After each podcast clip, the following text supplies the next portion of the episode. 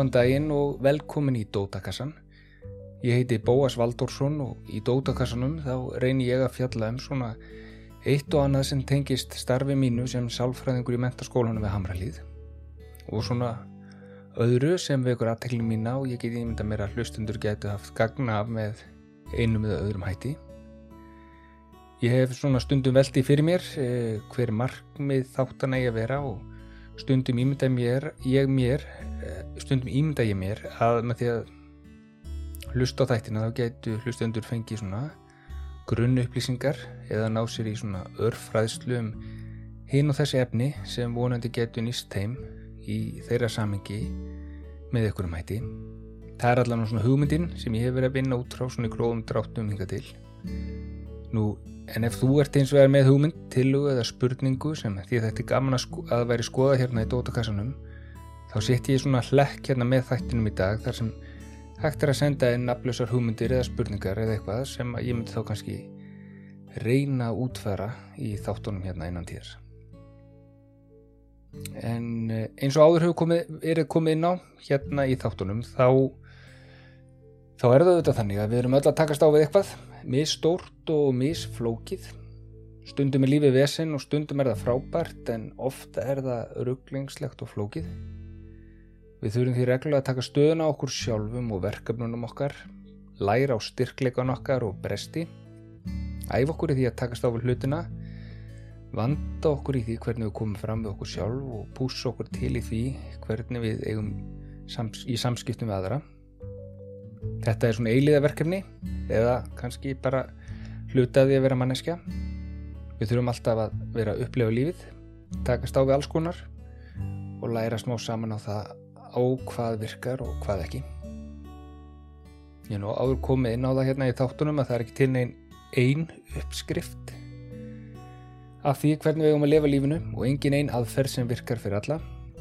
en við þurfum samt auðvitað öll að taka ábyrð á okkur sjálfum okkur eigin lífi og okkur eigin framkomu og því sem við erum að gera. Við þurfum öll að læra okkur sjálf, læra á viðbröðun okkar, reyna að læra mistökum og smá saman þá þróskumst við í gegnum áskoranir og vöksum þannig og þróskumst sem manneskur. Og margt að því sem við þurfum að gera getum við auðvitað gert sjálf með því að bara vera meðvituð um okkur sjálf og okkar hluti Við þurfum ekki að vera fullkominn til að vera frábær en stundum getur verið góð hugmynd að fá aðstóð frá vinum og fjölskyldum og öðrum til að koma okkur á stað og setja hlutina í samingi og finna svona réttan farveg fyrir það sem við erum að pæli. Þetta er svona stóra myndin og það er alltaf gott að minna svo á það að við erum öll að takast á við einhverju hluti á hverjum degi. Það gengur misvel eins og gengur og það er misja auðvitað vissulega líka miservitt. En svo ég kom inn á efni dagsins því í dag ætla ég að fjalla um viðnámsefni sem ég finnst mjög áhugavert og, og margir tengja við. Ég ætla nefnilega að fjalla um ADHD eða aðteglisbrest og óvirkni og kvartvísi. Ef einhver er að velta fyrir sig hvort hann, hún eða það sem er ADHD þá gæti þessi þáttur varpað einhverju ljósa á það og aðstóða viðkomandi við að taka stöðuna og átta sig á samengi hlutana í einlífi. Einni gæti efni þáttarins kannski gagnast heim sem eiga fjölskyldumæðlum eða vinn sem er með ADHD og þið þá fengið aukinn skilning á þeim áskorun sem felast í því að, að lifa í því, lifa með ADHD. Þetta segi ég kannski því að mér finnst alltaf almennt vera fyrsta skrefið til þess að skilja floknum hluti er að afla sér upplýsing á fræðast og átta sig á því hvað þeim fælst og ADHD er ekki neinn undatækning á því. Það er líka oft þannig að að fólk oft auðveldra með henn á tökum á ADHD-unu sínu og skilja ADHD-ið sitt og afleggingar þess þegar það er búið að aflæsur upplýsinga og auka einn skilning á því hvað ADHD er og hverju það tengist. Ég ætla svona eins og vanlega henni hérna í dótakassun að leifa mér að hugsa upp átt um helstu enginni hvernig og, og svona fjalla um helstu enginni uh, hvaða áhrif ADHD getur haft á fólk og hvað hægt er að gera til að átta sér betur á hlutunum. Þetta er svona ADHD 101 helstu punktar og helstu atriði. Það væri ágætt að hugsa þetta kannski sem byrjunarpunkt en ekki endastöð. En opnum kassan í dag með því að fara í ADHD pælingar. Gjör svo vel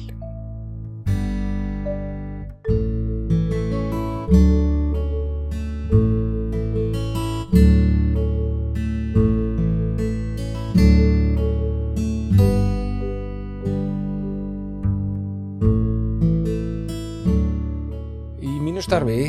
þá hitti ég oft fólk á öllum aldri sem er að velta því fyrir sér hvort það sé með ADHD. Það er ímsar ástæði fyrir því að fólk er að velta þessu fyrir sér. Stundum hitti ég ungt fólk á mentaskóla aldri sem er að lendi erfileikum í námi.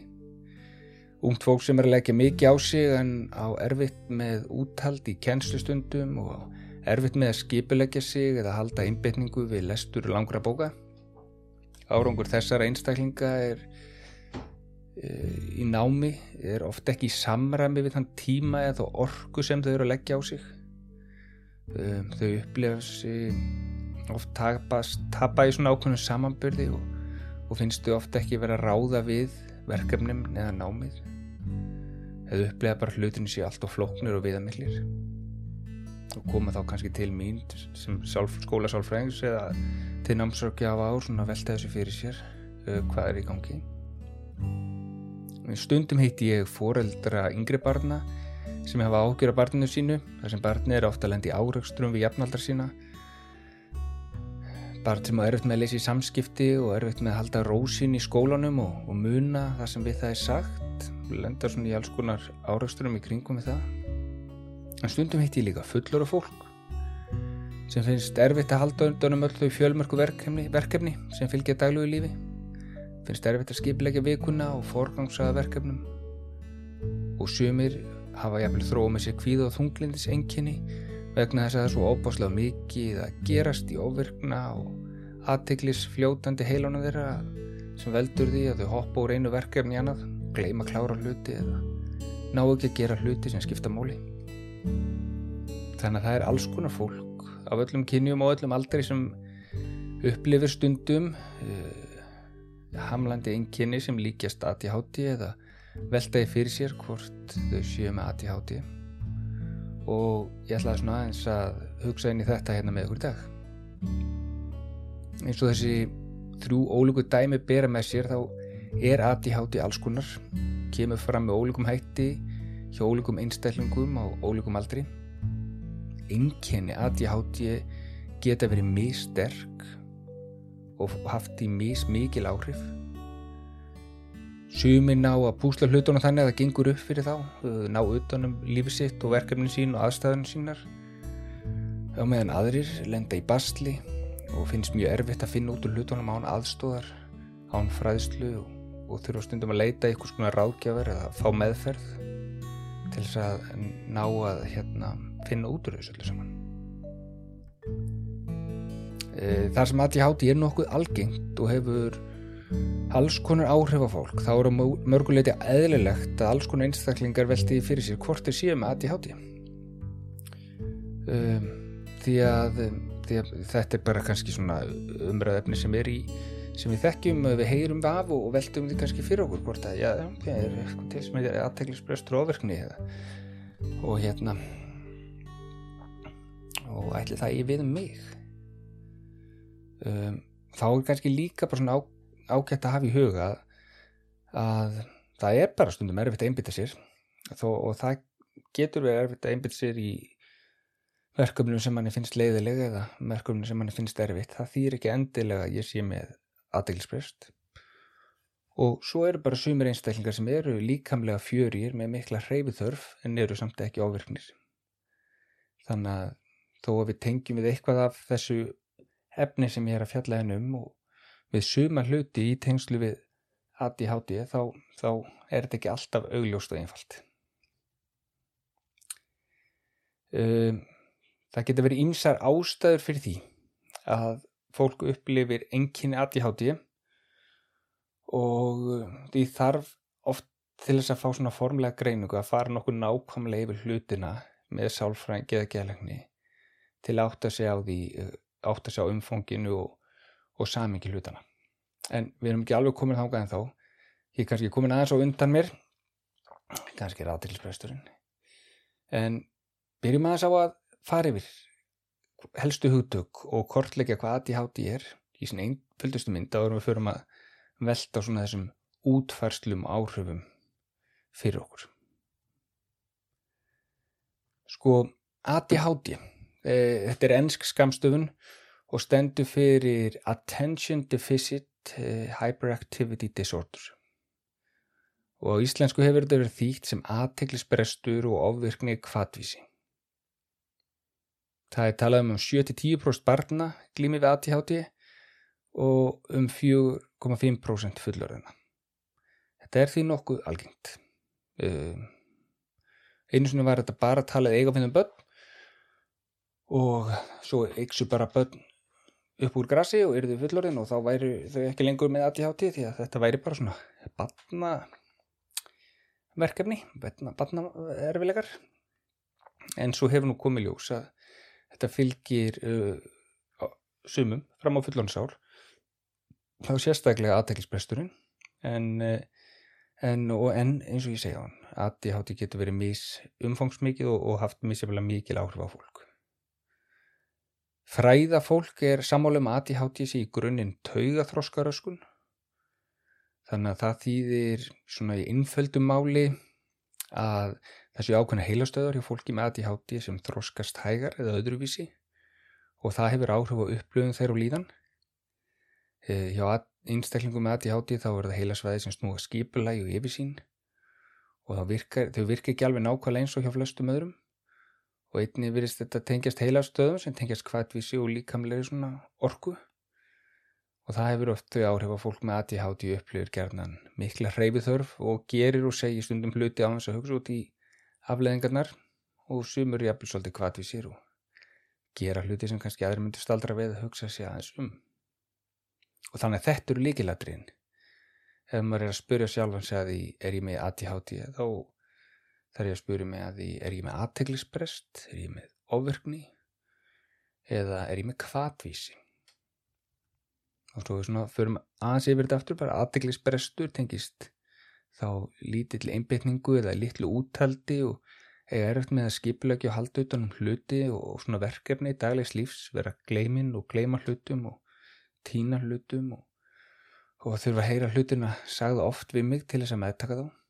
ofvirkni tengist mikil hreyfithörf líkanlegum óróleika sem kemur þá oft fram í því að viðkomandi mikið á ferðinni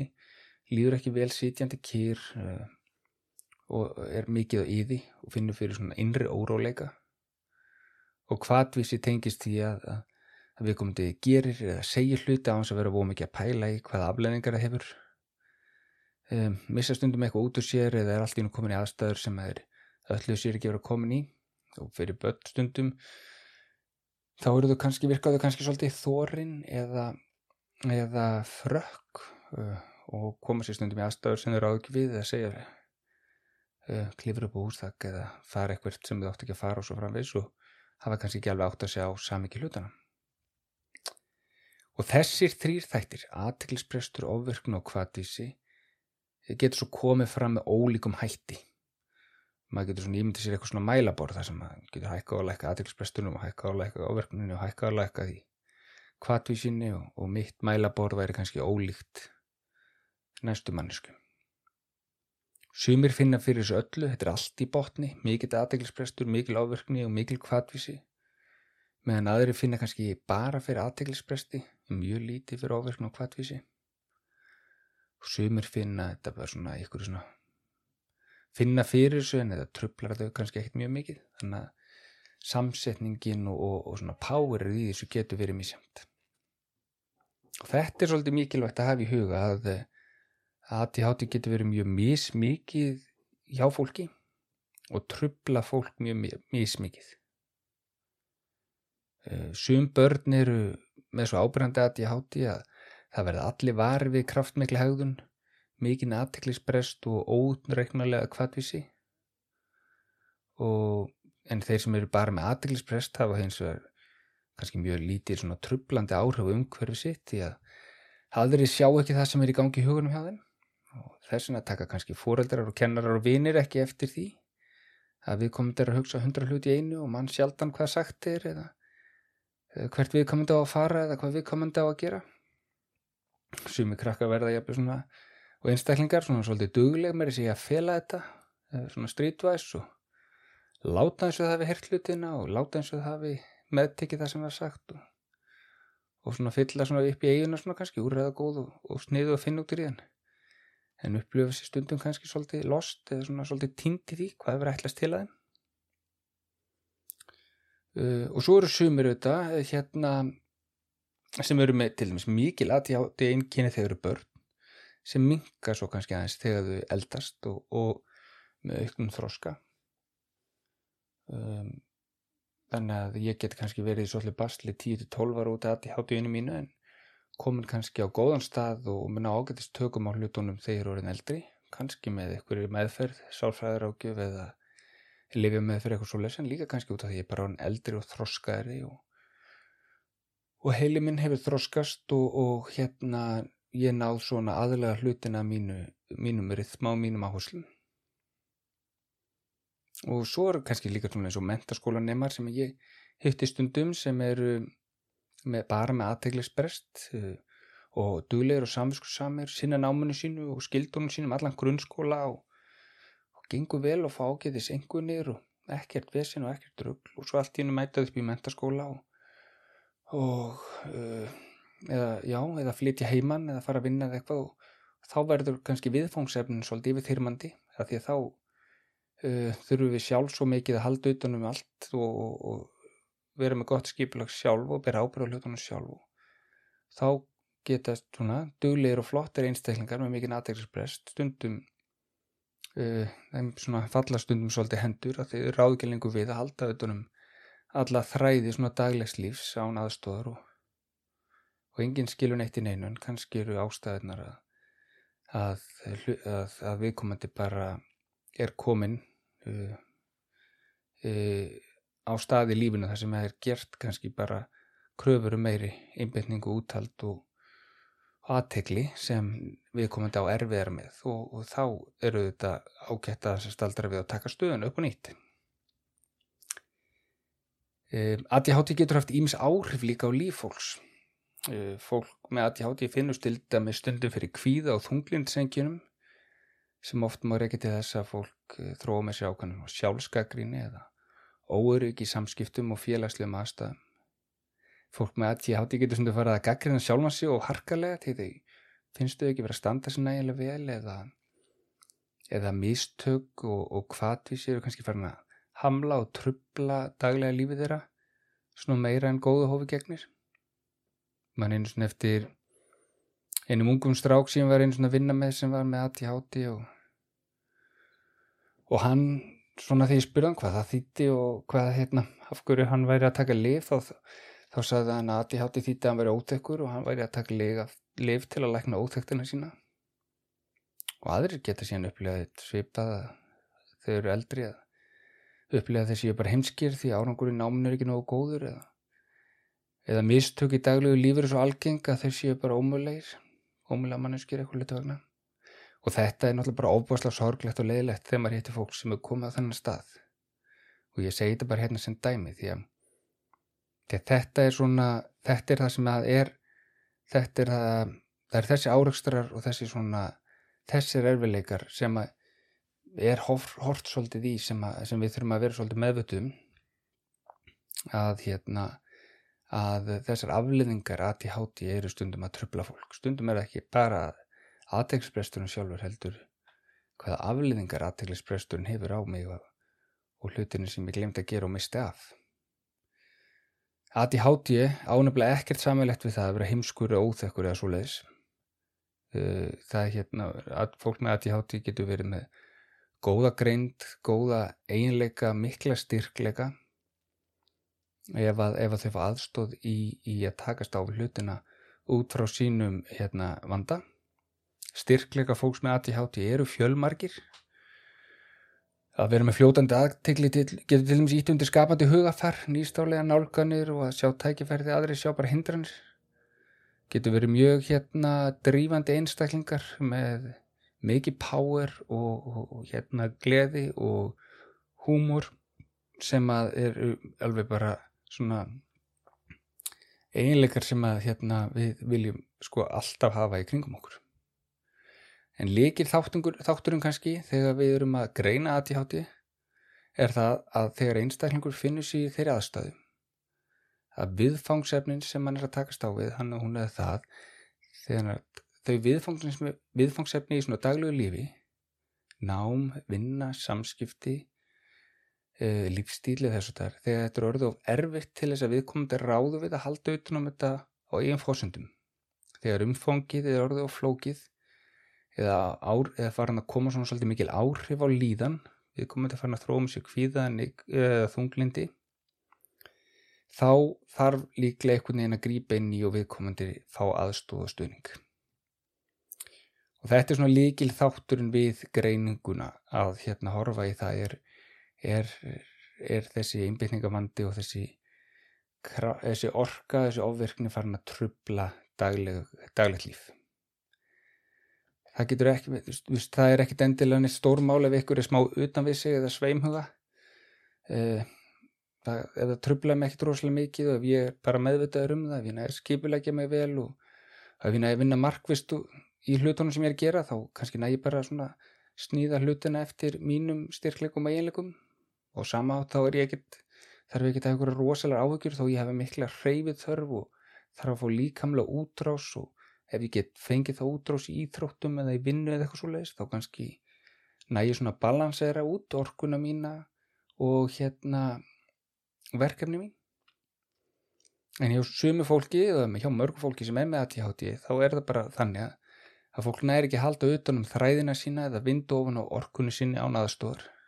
veit ekki hvað það á að byrja. Veit ekki hvað það á að hérna, takast á við. Og þegar og ég segi, þegar þetta ferða að trubla svona daglegt líf og hafa mikil áhrif á líðan fólks eða getur þeirra til að takast á við hlutina þá þá er auðvitað mikilvægt að fara að skoða nána hverju gangi. Nú, kannski er þú í þeirri stöðu að þú tengi við þetta sem hefur verið að koma fram hérna, mögulega er þú með aðtjáti og ef þú ert þeirra skoðunar þá mæl ég auðvitað með því að þú hafið samband við fagaðilega til að fara yfir hlutina með þér eða fá nánari kortlagningu á því sem þú ert að takast á við. Eh, það er líka svona smá kannski og, og það eru svona ímsi stað sem hægt er að fara í þá í það, til dæmis með því að hafa samband við ADHD samtökin eða, eða hilsugjastastöðun eða eitthvað þess og þar og það er líka gott aðeins ánum að ferðanga aðeins að hafa ákvæmlega hluti í, í svona samengi að, að það eru ímis atrið sem geta ítt undir ADHD enginni hjá fólki sem er, hjá fólki sem er ekki með ADHD sko. til dæmis ef ég er undir miklu og viðvarandi álægi í vinnu eða í lífinu ef ég næ ekki að sofa vel er mannsvefta ef ég upplöða mikil áföll höfuð áverka ef ég er að glíma við námsörfileika eins og les, lestrarvanda ef ég er að takast á í kulnun í starfi ef ég hérna farið út í eitthvað svona výmöfnuneyslu ef ég er að glíma við þunglindi eða þessi mikla breytingar í lífinu mínu, svona alltaf nefna nokkra hluti, þá er þetta hluti sem geta ítt undir aðteglisbrest og erðalýsi. Þannig að það að ég sé upplifi aðteglisvanda eða mikið svona óróleika í, sjálfu mér þá,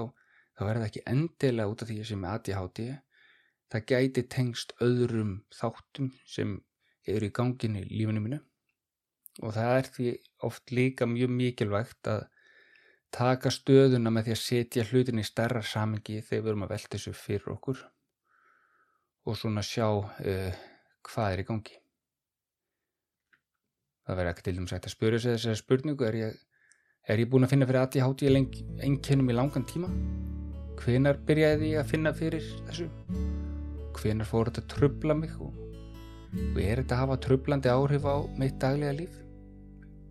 Það verður líka að spyrja sig að því er eitthvað sem ég get gert til að draga úr álægi hjá mér eða breyta áherslum í til dæmis lífstílum mínum, svefnvenjum, neysluvenjum og svona viss. Og er þessi, þessa breytinga líklega að draga úr þessum ADHD enginum hjá mér?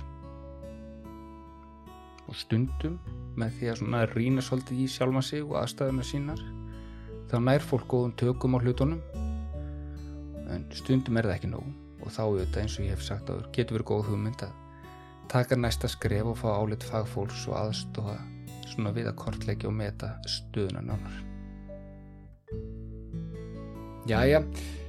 þetta var svona ADHD 101 insýnin í helstu hugdöku og helstu, helstu áskorunir minnst ég valla byrjaður, þetta var svona toppurinn á ísíkanum ég ætla ekki alveg að sleppu þessu efni og hérna í næsta þætti var ég hugsa um að fjalla um svona ADHD og nám og námstækni og leiðir sem hafa nýst fólki með ADHD í námslugu samengi ég mæli auðvitað með því að ef þátturinn vekur upp einhverja spurningar hjá þér að kíkja á síðu ADHD samtakana adhd.is en það er hægt að nálskast svona alls konar efni alls konar fræðslu efni fyrir fólk á öllum aldri. Eh, sækja námskeið og taka þátt í umræðum á Facebook og svo les það er auðvitað fullt af hliðum á þessu umræðefni sem ég er ekki búin að koma inn á. Og mögulegt þú með hugmynd sem þú vilt deila með mér í tengslu ADHD sem forvittnilegt væri að skoða hérna svo væri líka hægt að kíkja á hlaðvarpið lífi með ADHD sem er á vegum ADHD samtakjana og, og ég tengist aðeins en, en þar byrtast líka við tölum um, við fólk sem hefur reynslu af þessum málum. Þannig að það er hægt að leita upplýsinga við það og ef þú ert í grunnskóla eða framhaldsskóla þá getur þú þetta líka haft samband við námsrákjáðana eða skólasálfræðing eða hjúkunarfræðing eða kennara og rætt þessi máli eða fengi aðstóð ef að þetta er eitthvað sem þú ert að velta fyrir en eins og ég sagði þessi þáttur var svona hugsaður sem HT 101 byrjinapunkturinn ekki endastöð. Fyrsta skrefið ég að fá insýn inn í þetta umræðöfni og setja hlutina aðeins í samengi ég ætla ekki að hafa þetta mikið lengra setja loka á dótakassan Takk fyrir að hlusta þáttinn í dag. Gangið vel